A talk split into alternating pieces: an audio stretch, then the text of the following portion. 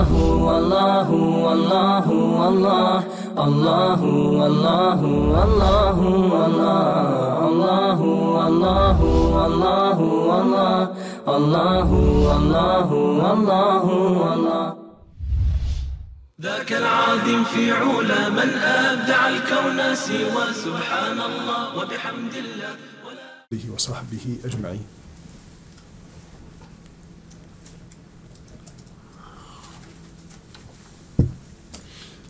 Kraj predavanja, jel, Armin? Čemo odjaviti sad, ha? Ti ste kupalio. Da odjavimo, rekao. Pošto, pošto smo se ispričali.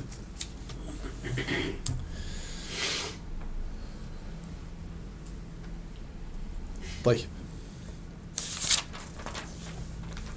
اللهم لك الحمد أولا وآخرا ولك الحمد عدد خلقك ورضا نفسك وزينة عرشك ومداد كلماتك اللهم صل وسلم وبارك على محمد في, أو في الأولين وصل وسلم وبارك عليه في الآخرين وصل وسلم وبارك عليه في الملأ الأعلى إلى يوم الدين. اللهم رب اشرح لي صدري ويسر لي أمري واحلل عقدة من لساني يفقه قولي وبعد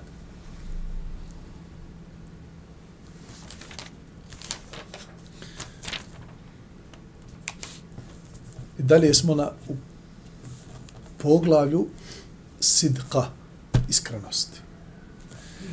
Kaže sallallahu alaihi wa sallame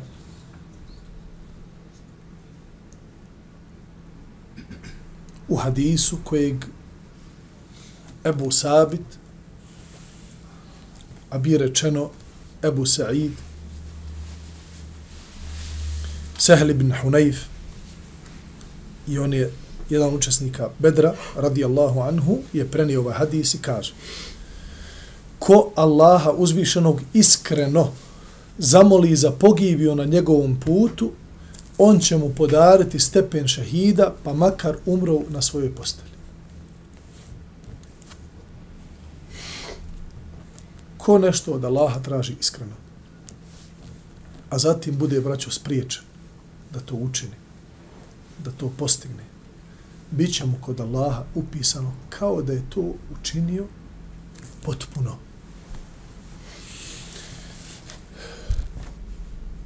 To se također ogleda i za hađ, to se također ogleda i za umru, ogleda se i za zekijat, i za sadaku, i za sva druga djela koja nisu u mogućnosti da, da upotpuniš. Imaš čvrst nijet i doviš Allah, ne ispuniti se, bit će ti upisano kao da ste učinili. Evo vam jedan praktični primjer. Ušli smo u 2023. Gregorijansku godinu. Pred nama je Ramazan, a nakon Ramazana pred nama je hađ. Od sada doviš Allahu da te počasti da ideš na umru u Ramazanu, jer ko obavi umru u Ramazanu kao da je obavio hađ. Tolika je nagrada doviš. Allah ti ne ispuni to što si dobio. Nemoj se brinuti. Ni jedne sekunde.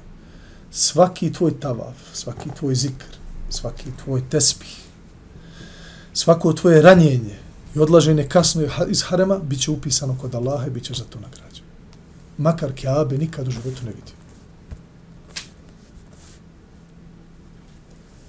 Također za hađ dovi Allahu da te zovne na hađ. Ako dođe na faka i Allah te uistinu pozove, Alhamdulillah. Zahvali mu se na način kako to dolikuje gospodaru svjetova da mu njegovi robovi budu zahvalni. Ali ako te ne pozove i ako nema sredstava, što se brineš? Biće ti upisano. gospodaru da imam imetak, da imam dovoljno imetka, da dam zekat svim siromasima, umetu islama, i da svi sretno i zadovoljno odu u svojoj kući, svoje čeljade, da ih nahrane i da unesem sreću u njihova srca s tim zekatom, što ću dati svakome po hiljadu, po dvije hiljade maraka. Da imam toliko imetka, ja bi svima to dao gospodaru. Ali to ne treba niko da zna mimo tebe i gospodara svijetu. Allah ti to ne ispuni. Srešćeš svoga gospodara kao da svim siromasima umeta Islama dao onoliko koliko se zanijeti. Prelijepa li je naša vjera koja ne opterećuje čovjeka preko njegovih mogućnosti, a daje mu priliku, daje mu priliku da se ne pomakne sa mjesta, a da zaradi velike nagrade.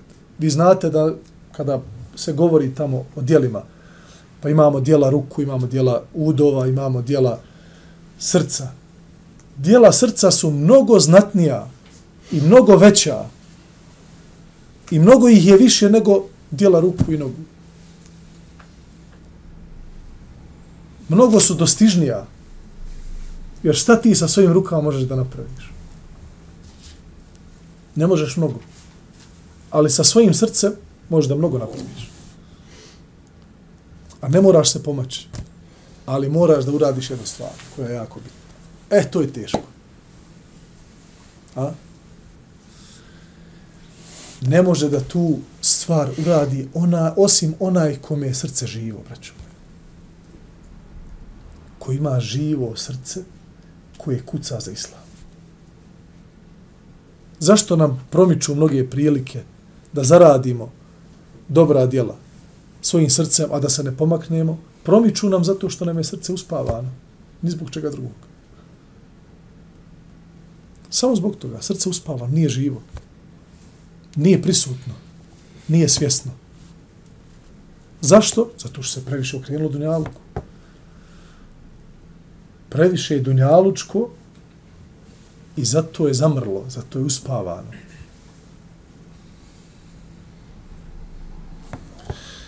Od Ebu Hurere, radijallahu anhu, se prenosi da Allah, poslani sallallahu alaihi wasallame rekao, a braćo, ovaj je hadis kod Buhari i kod muslima. Slušajte ga, zanimljiv hadis.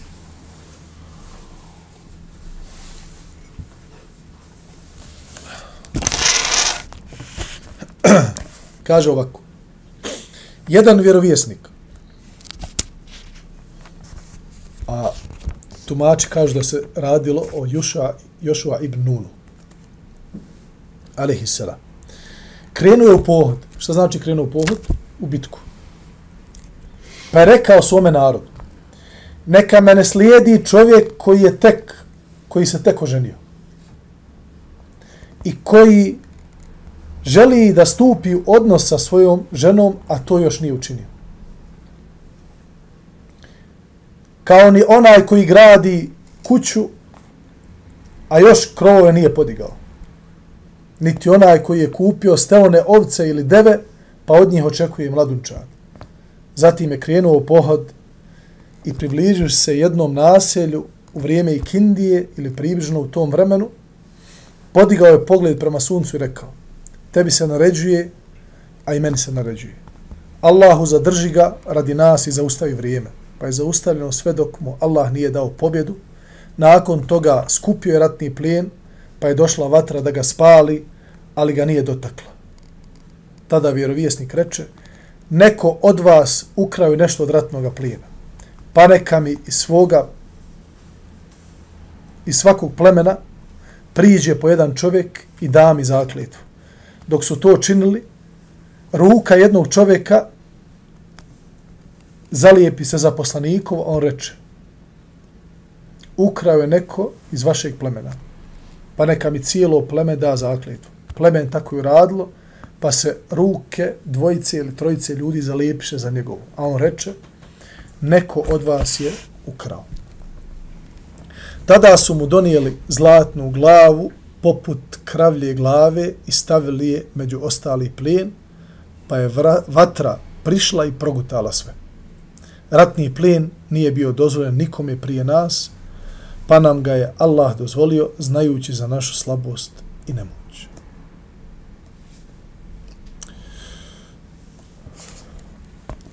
Ovaj hadis, braćo moja, za sobom nosi razne uh, poruke koje su različito karakter.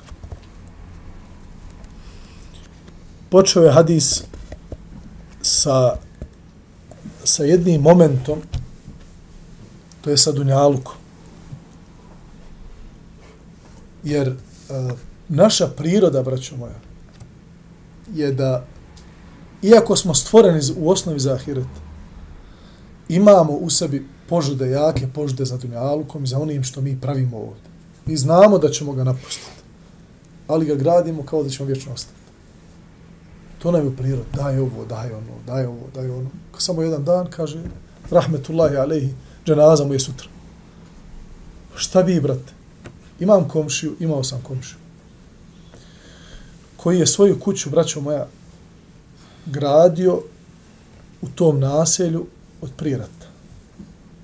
Jedan od, to je bilo, sad je jako naseljeno naselje, ima puno ljudi, ona živi tu, međutim, prije rata je, svi se znali u glavu. To je bilo koliko, možda 15, 20 maksimalno kuća. I on je to kupio, stvarno prelijepo, jedno mjesto ovako na, na strani i to je kao ono, imaju, tu je pravio kuću. Cijeli rat, posle rata, do prije tri godine. Čovjek je nešto gradio. Znači imao je plan kako da sagradi sve. Kako, gdje da bude šadrvan, gdje da mu kuća, kolika kuća da bude, garaža, ulaz, izlaz. Kad je sve završio, sjeo i kaže, e, to je to, napravio sam. U tom danu preselio. Komšija moj tu. Sve čovjek napravio. Kako je zamislio u glavi i tog dana preseli kad je stao s posla. Međutim, nismo takvi ljudi. Pogledajte. Znači, Joshua ibn Nun je rekao, neka mi neko ne ide sa mnom u boj, pošto će biti onaj, težak. Ne trebaju mi ljudi koji nisu fokusirani. Ne trebaju mi ljudi čija će tijela biti sa mnom u pohodu, a njihova srca i njihove glave će biti u njihovim kućama. Zašto? Ovaj ne znao će se vratiti kući, tek se oženio, nije s mladom, ni proveo ni jednu noć. Ovaj ima steone ovce, šta će mi biti, kako ću vamo, jel se ujanjila, ima li ko da, da izvuče to, da presječe, da ovaj pravi kuću nije ukrovio. Znate, naš narod, onaj stari, ima tih nekih svojih, onaj, uh, pa svaki narod ima, ima te svoje neke, šta ja znam, izjave, izreke. A naš narod kaže, kad vidiš čovjeka da voda putem, sam sa svom nešto priča, znam. Neke konotacije, neke izvodi račune, maše rukama. kaže onaj, najvjerojatnije da pravi kuću. Najvjerojatnije šta? da pravi kuću. Jer onaj, to je jako kompleksno i uvijek je bilo i ostaće tako. Ostaće tako da, da je pravljenje kuće onaj, dever i džabaj, to je tako. Tako da sve ove stvari što je nabrojao, nabrojao e, Joshua ibn Nun u to vremenu, u njegovom vremenu, to su bile kapitalne stvari. Da imaš porodicu, što je samo bilo. I dan danas je to glavno. Znači ovo oko mlijeka i stavona, to je ekonomija. Tako. Imate porodica, ekonomija i imate nekretnine. Ova ekonomija, znači hrana i to, meso i mlijeko, imate nekretnine, to je gdje da živi. To je primarno bilo tada, primarno je i sada samo možda kod nas malo na specifični način, drugačiji, malo opširniji, ali to je to. Kad vidimo, znači Jošua nije dao da neko od naroda nego ide u boj koji ima problem sa jednom od ove tri ili sve tri ili dvije stvari koje su na, navedene. Zašto? Jer nije htio da neko krene sa njim, a da nije e, čvrst u odlazak u boj.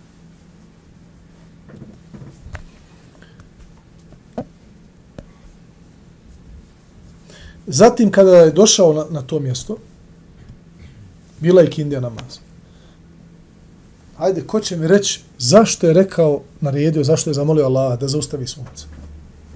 Da stane vrijeme. Zna li ko? Namaz nije stigao. Nije bilo propisano klanjeno stranu. Ono, da klanjaju. Pa dobro, on su mogli da klanjaju, ono, klanjaju kindu pa krenu s bojem. Nisu, nisu bitke vodili noću. on se je zakleo Allahu da će pobijediti prije zalaska sunca.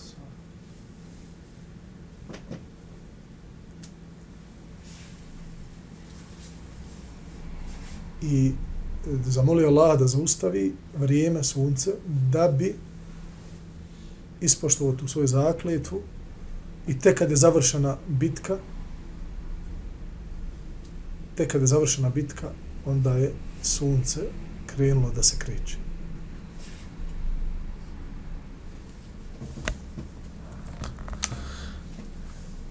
Ratni plijen i prijašnji narod. E, znate da je našem poslaniku, ali i salatu selam i umetu islama, dozvoljeno pet stvari koje nije bilo dozvoljeno prijašnjim narodima. Jedno od tih je ratni plijen. Znači, prije našeg poslanika, kada bi sledbenici vjerovjesnika krenuli u boj, sakupili bratni ratni plijen na jednu na jedno mjesto, spustila bi se vatra s nebesa, spalila bi ratni plijen, uništila i to bi bilo to. Znači, nije bilo dozvoljeno da se uzima ratni plijen i da se njime, da se njime, znači, ono, da se sa njim ili trguje ili radi bilo šta, znači da se prodaje, da se nosi kuće. A ako bi neko, ako bi neko ipak od prisutnih vojnika ukrao nešto, prisvojio nešto, vatra ne bi htjela da spali ostatak ratnog plina, dok ne bio kompletan. Tako da, Allah je dao ovaj keramet uh, ovom poslaniku Ibn Nunu, da je znači mogao da da shvati da ko je iz kojeg plemena i ko je e, kradljivac na način da ne bi ovaj mogao da odvoji svoju ruku od njegove kad bi se pozdravio sa njim. To mu je Allah dao.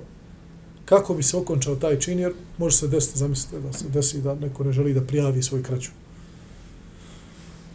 Ostavi ne želi.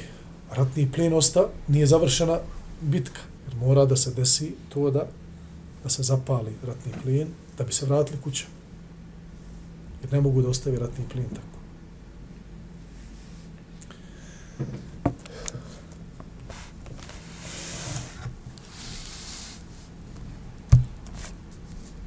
I Allahu poslanik, alaih salatu selam kaže, ratni plijen nije bio dozvoljen nekome, nikome prije nas.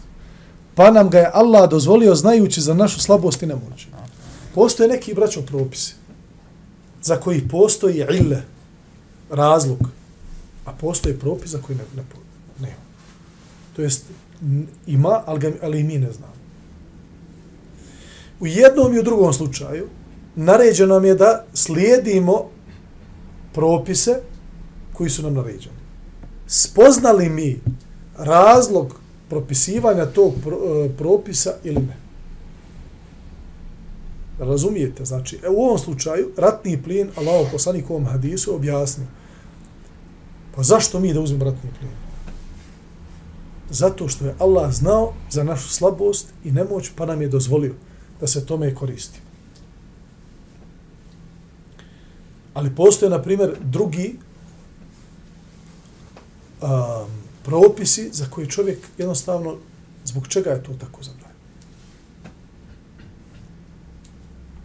nema odgovor uh, koji mu je poznat šta u tom momentu, šta u tom slučaju da radi. Ako je došlo vjerodostojno, znači sa ajetima smo, jasno je ko dan. Međutim, ovde ponekada se javi kod nekih muslimana e, problem kod uh, hadisa, gdje smatraju da ako hadis nije mutevater, to jest nije u svakoj generaciji, sve do e, dok nisu mu hadisi skupili hadise u svoje zbirke. Ako u svakoj generaciji najmanje deset ljudi od ashaba pa sve do e, onog, onog muhadisa koji je zabilježio hadis u svojoj zbirci. Ako nema najmanje deset ljudi u svakoj generaciji, u svakom lancu, taj hadis se ne zove to je ahad hadis, ponekad ako nije dosegao deset, ako je nekoliko ljudi, ako fali jedna generacija, onda može se reći da je mešhur, da je poznat, ali nije mutevatir. Mutevatir hadis ima stepen, braću moja, ajeta. Zato što ako deset i više ljudi u svakoj generaciji prenese hadis s koljena na koljeno, generaciju generaciju, od poslanika, ali sad to se napada ovamo, dolazimo do jedne činjenice, a to je da je bilo nemoguće da je u svakom E, sloju, znači seneda, bilo je nemoguće da se ti deset i više ljudi dogovore da slažu nešto. Ili dogovore, ili ne da, da se dogovore, nego da nešto izvrnu. Znači, ako je meni deset ljudi došlo i reklo, a on se nisu vidjeli međusobno, da se desio sudar kod careve džamije i da je bijeli golf i zeleni golf se sudarili, okay, ovako ram, dolazi jedan, pa nakon njega, nakon dvije, tri minute, dolazi drugi. Kaže, sad sam bio pored careve džamije, sudarili se bijeli i zeleni golf. Pa treći, pa četvrti, deset, petnaest momaka dolazi i govori istu stvar. Da li ti treba da odeš kod careve džamije da se uvjeriš da se desio sudar? Jel trebaš ili ne trebaš? Recite slobodno. Ne treba. 15 ljudi dolazi jedno i svi detaljno opisuju istu situaciju. Ok, pola ih je reklo zeleni i bijeli, pola je reklo ne, neki Audi, crveni, onda malo, a, ovdje, znači u svakoj generaciji imamo, prenosi se jedan te isti hadis, to je mutevatir hadis. Međutim, braćo moja, ahad hadis je vjerodostojan hadis. Svaki, u, sva, u lancu, svaki čovjek je povjerljiv. Međutim, može se desiti u jednoj generaciji da je samo jedan. Jedan povjerljiv. Kažu to je ahad hadis. Nije mutavatir i nije nam obaveza da ga slijedimo. To je greška. To je greška. Ako se radi o vađibu, ako se radi o haramu, to je greška, braću. Zašto je greška? Dobro. Treći čovjek u Senedu, od poslanika u lancu, pa na ovamo, treći je u trećoj generaciji jedan. Prije toga je sve bio mutevater. Znači, deset ljudi prenelo, pa deset, pa jedan. Pa onda ponovo deset, pa znači imamo ahad je, jedan. za tog što je jedan, do njega kad je došao hadis, za njega je mutevater. Čovjek ispunio sve uvjete koji su strogi, jako su strogi. Da je povjerljiv, da je pouzdan, da mu je dobro pamćenje, da nikad nije ufaćen u laži, da nikad nije uhvaćen u, u e, poznat je po tome da kada prenosi hadise, nikada nije uhvaćen da promijeni, da tebi kaže hadis ovako glasi, pa sutra dođe njemu pa kaže hadis ovako glasi. Ne, svima govori isto, precizan je. Poznat je po, po, po pravdi. Svi svjedoče u tom mjestu da se radi o dobrom čovjeku, bogobojaznom. I ti ne želiš od njega primati šadi zato što samo postoji jedan, ajde kažem, teoretski, teoretski, teoretska činjenica ili, ili pravilo kojim su muhaddisi definisali mutevatir, mešhur, ahad i tako i ostalo ostalo. Samo zbog toga. To je jako nepravedno prema prema samom propisu i prema prenosiocu i prema muhadisima koji su nam ostavili ovo blago iza sebe. Ali naher, o tom putu.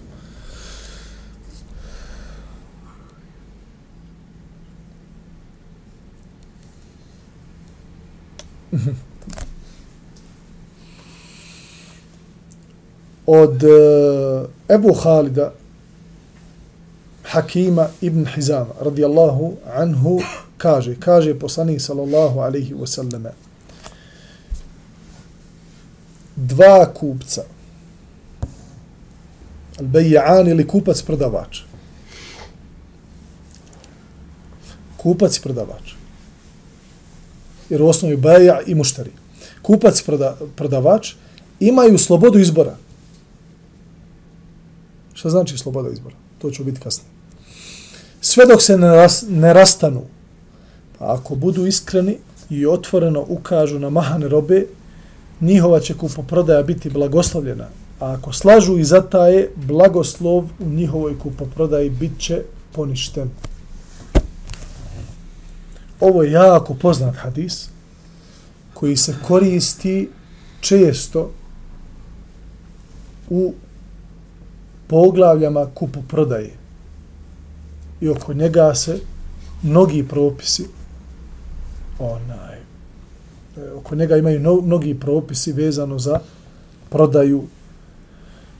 E, kada ti neko nešto proda i vi se dogovarate za cijenu i ti nisi još do, znači ti si pristao na cijenu ali nisi još otišao.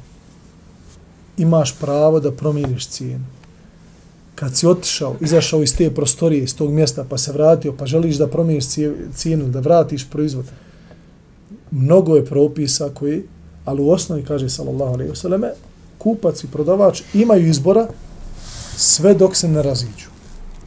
Znači, cjenkaj se, pitaj za robu, provjeravaj, otiđi kod automehaničara, s tim da, pogledajte ovaj kraj hadisa.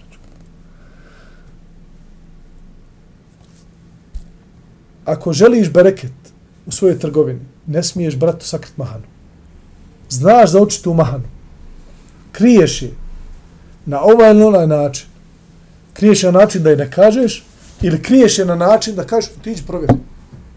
I to je, i, i to je jedna vrsta krijenja mahana. Čovjek te pita. Evo navešćemo primjer auto. Došao se da kupiš auto. Kažeš prodavaču, dobro, polovno je auto, sve ja to razumijem znači 2010. godina.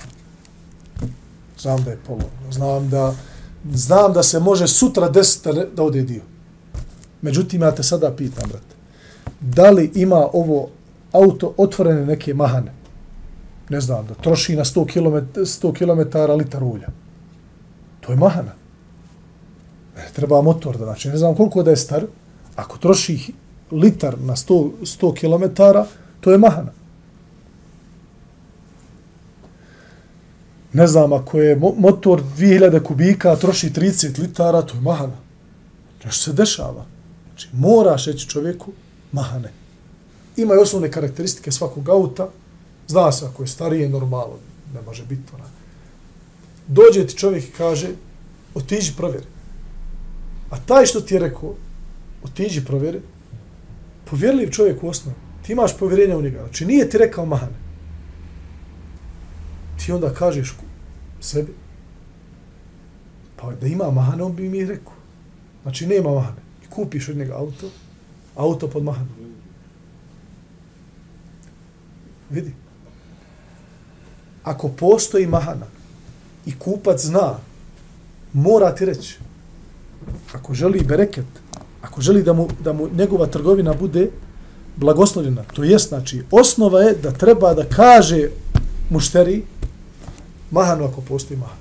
Ne smije sakriti. Normalno, evo ja ti prvi savjetim, kupuješ auto, idi kod mehančara i provjeri ga. Ali nisi dužan, treba on da ti kaže mahanu. To se je desilo, ja sam to vidio svojim očima, prvo nisam mogao da vjerujem. Jer čovjek koji je prodao auto imao samo njega puno povjerenja. Znači, puno povjerenja sam imao u njega. Prodao je čovjeku auto koji na 100 km litar i po ulja najmanje guta. I čovjek ga pita, da li ovo auto ima mahanu? Kaže on, ako te zanima, ti iđi kod mehančara i pravi.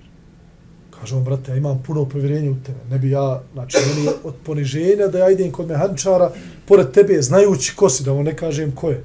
Pa ne bi rekao ko je, ja vam rekao ni titulu, ni ništa, da se ne bi malo razočarao.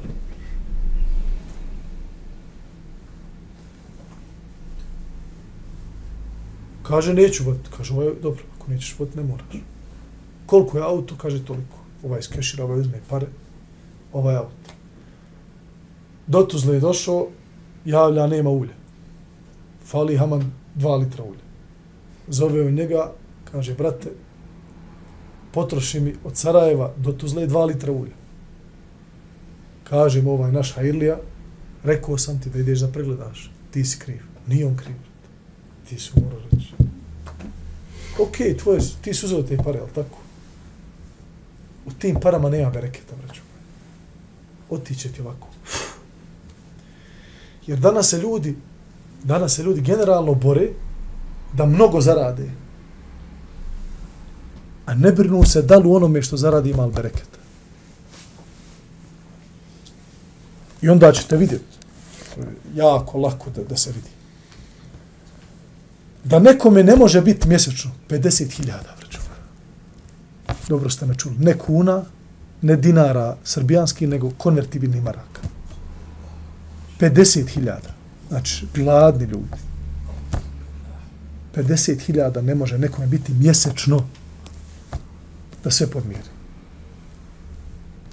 A neko uživa s hiljadom.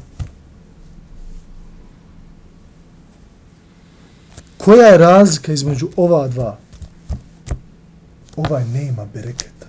Ovaj ima bereketa. Samo to. Jasno ko dan, braćo moji. Zašto ovaj s 50.000? Iako ima ljudi koji možda zarađuju 50.000, ima bereketa u parama. Ja ne kažem da, da podnužno, ako ima puno para, nema bereketa. Ne, ne, ne, ne. Ali, hoću da kažem, šta znači kad u parama, u novcu, u imetku, ima bereket i nema bereket. A ljudi su, braćo moja, pustoš ili bogate poroce. Znači, desi se u poroci da imate lošeg člana, dijete loše, naraste tu dijete, raskući sve živo, braćo. Uništi familiju koja je jaka, braćo moja, koja milionima, znači, ljudi unište milione ne daj im Allah bereketa. braćo. Dok sa druge strane imate ljude koji za, sa sitnim parama, braćo, i nahrani porodcu, i ostavi sa strane i možda uloži u neki mini, mini, mini skroz biznis par desetina maraka ili stotinu maraka. Da preproda, da nešto krene, da, da zaradi od toga. Bereket. Znači, kada se brinete o svojem metku da ga zaradite, u isto vrijeme se brinite za bereket u tom metku.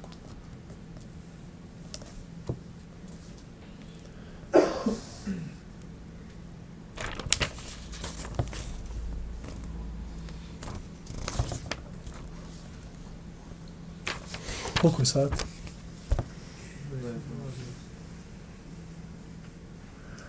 أقول قولي هذا وأستغفر الله لي ولكم. سبحانك اللهم وبحمدك أشهد أن لا إله إلا أنت أستغفرك وأتوب إليك. nastavit ćemo naredno predavanje inša Allah ta'ala